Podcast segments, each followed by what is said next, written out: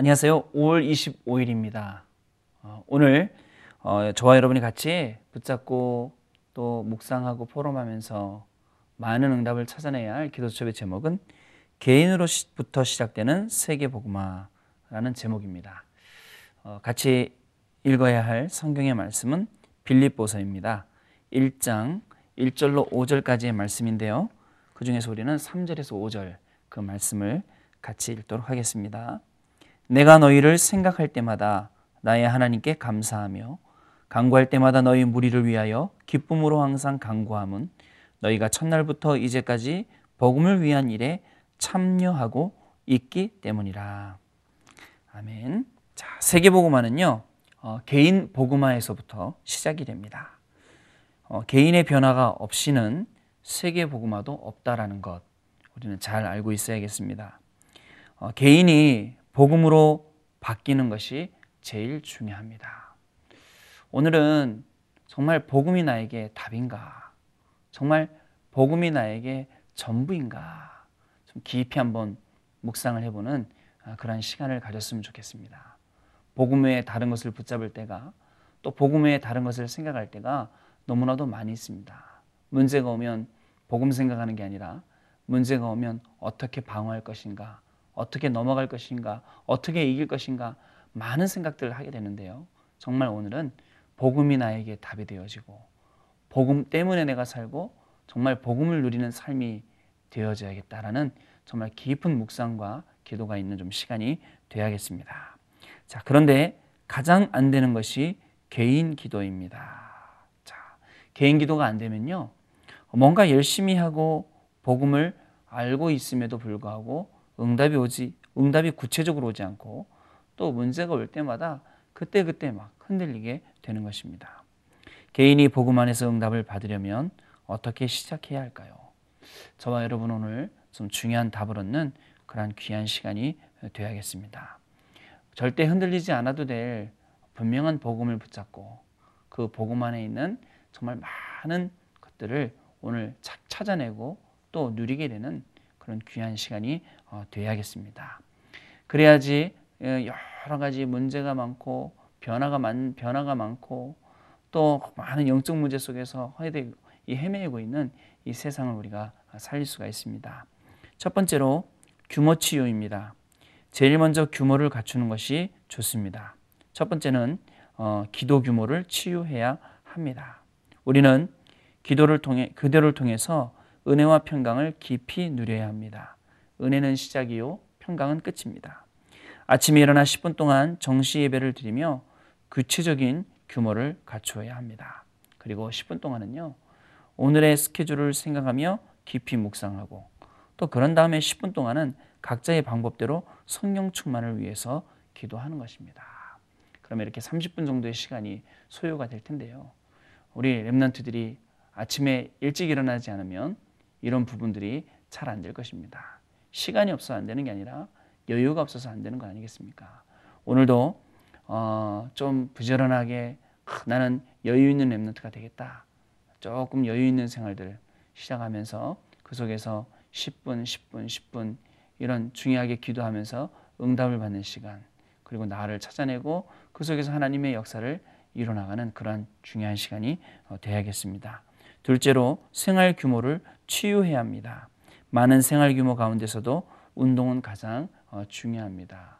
하루에 땀을 흘릴 수 있는 이런 운동들 지금부터 꾸준히 해주는 것이 좋습니다. 특별히 우리 어, 여학생들은 많은 운동을 잘 안 하는데요.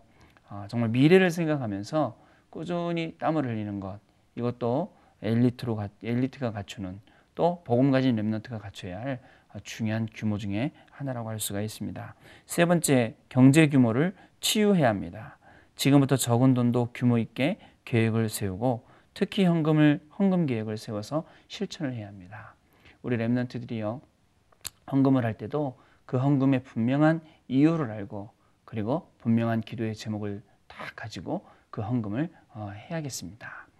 우리 렘넌트들이 지금부터 어, 이러한 규모가 없으면 그때그때 헌금하게 되고 이렇게 되는데요.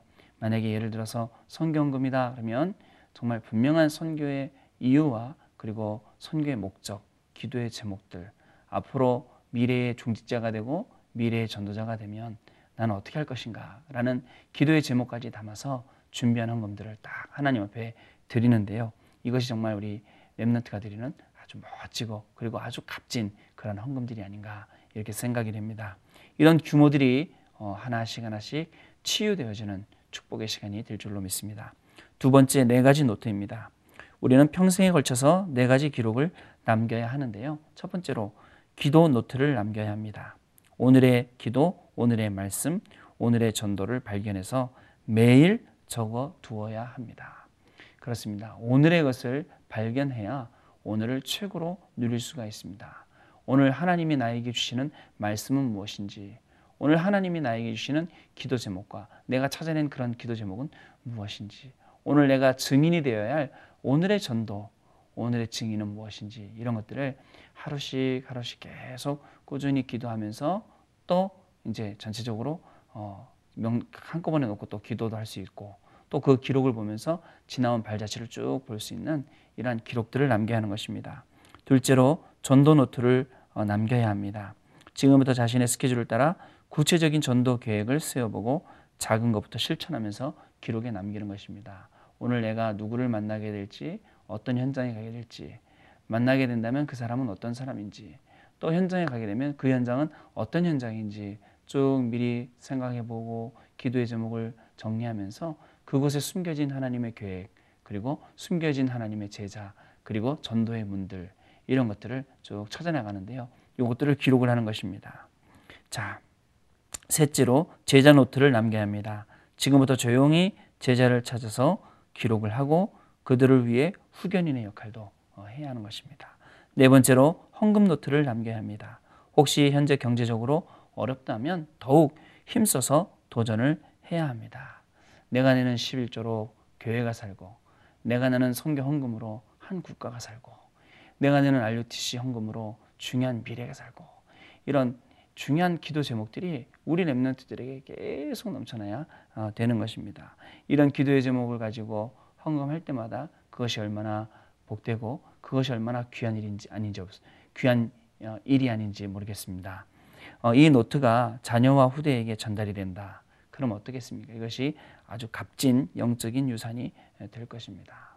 우리 렘넌트들과 같이 어, 전도자의 삶에 대해서 또 이 기록에 대해서 기도 수첩과 또 이런 전도자의 삶 기록에 대해서 많은 포럼을 하고 있는데 사실은 처음부터 어, 잘 안 된다라는 고민들을 어, 고백들을 제가 많이 듣습니다. 그러나 꾸준히 하나씩 하나씩 계속 하다 보면 이것이 체질도 되고 습관도 되고 또 이것이 중요한 영적인 유산 기록이 되어서 남게 될 것인데요. 오늘도 하나님이 나에게 주신 오늘의 말씀, 오늘의 전도, 오늘의 기도, 그리고 오늘의 모든 스케줄, 그리고 하나님께서 우리에게 주신 많은 현장의 응답들, 헌금들, 제자들 이런 것들을 하나씩 하나씩 기록을 해보시기 바랍니다. 또 기록을 한 다음에 그냥 지나갈 것이 아니라 중요한 분들과 같이 또 나눠서 한 주간 어떤 삶을 살았는지 하나님께서 한 주간 어떻게 인도하셨는지 하나님께서 어떻게 어떤 기도에 많은 응답들을 주셨는지 확인해 보는 아, 그런 확인 확인해 보게 확인해 본다면 그 시간이 더욱더 어, 귀하고 복된 시간이 될 것입니다. 세 번째입니다. 신앙의 발자취입니다. 성경의 렘넌트 7명과 교회사의 루터와 칼빈과 같은 믿음의 사람들은 교회사에 중요한 업적을 남겼습니다. 우리는 지금부터 하나님의 영광을 드러내는 신앙의 발자취를 남겨야 합니다. 그래서 렘넌트 한 명이 얼마나 귀한지 또 우리 전도자 한 명이 얼마나 귀한지 우리는 이런 것들을 쭉 보게 됩니다. 그리고 이 교회라는 것 얼마나 중요한 것인지 또 가정이라는 것이 얼마나 중요한 것인지 이 중요한 많은 응답들을 우리가 느끼고 또 이 응답들을 후대에 전달을 하게 될 것인데요. 오늘 포럼의 주제는 개인 기도 실천에 대해서 계획을 세우고 네 가지 노트에 대해 구체적인 준비와 실천을 준비해 보세요.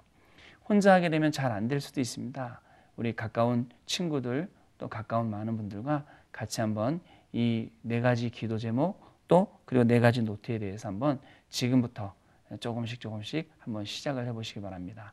처음엔 잘 안 되겠지만 아주 미래에는요 바꿀 수 없는 아주 큰 영적인 유산이 되고 그리고 아주 여러분들을 중요한 응답으로 하나님의 계획 가운데로 하나님의 역사 가운데로 이끌어가는 중요한 노트가 될 것입니다. 오늘 하루를 어, 최고로 승리하시는 복된 하루가 될 줄로 믿습니다. 기도하겠습니다. 하나님께 감사를 드립니다.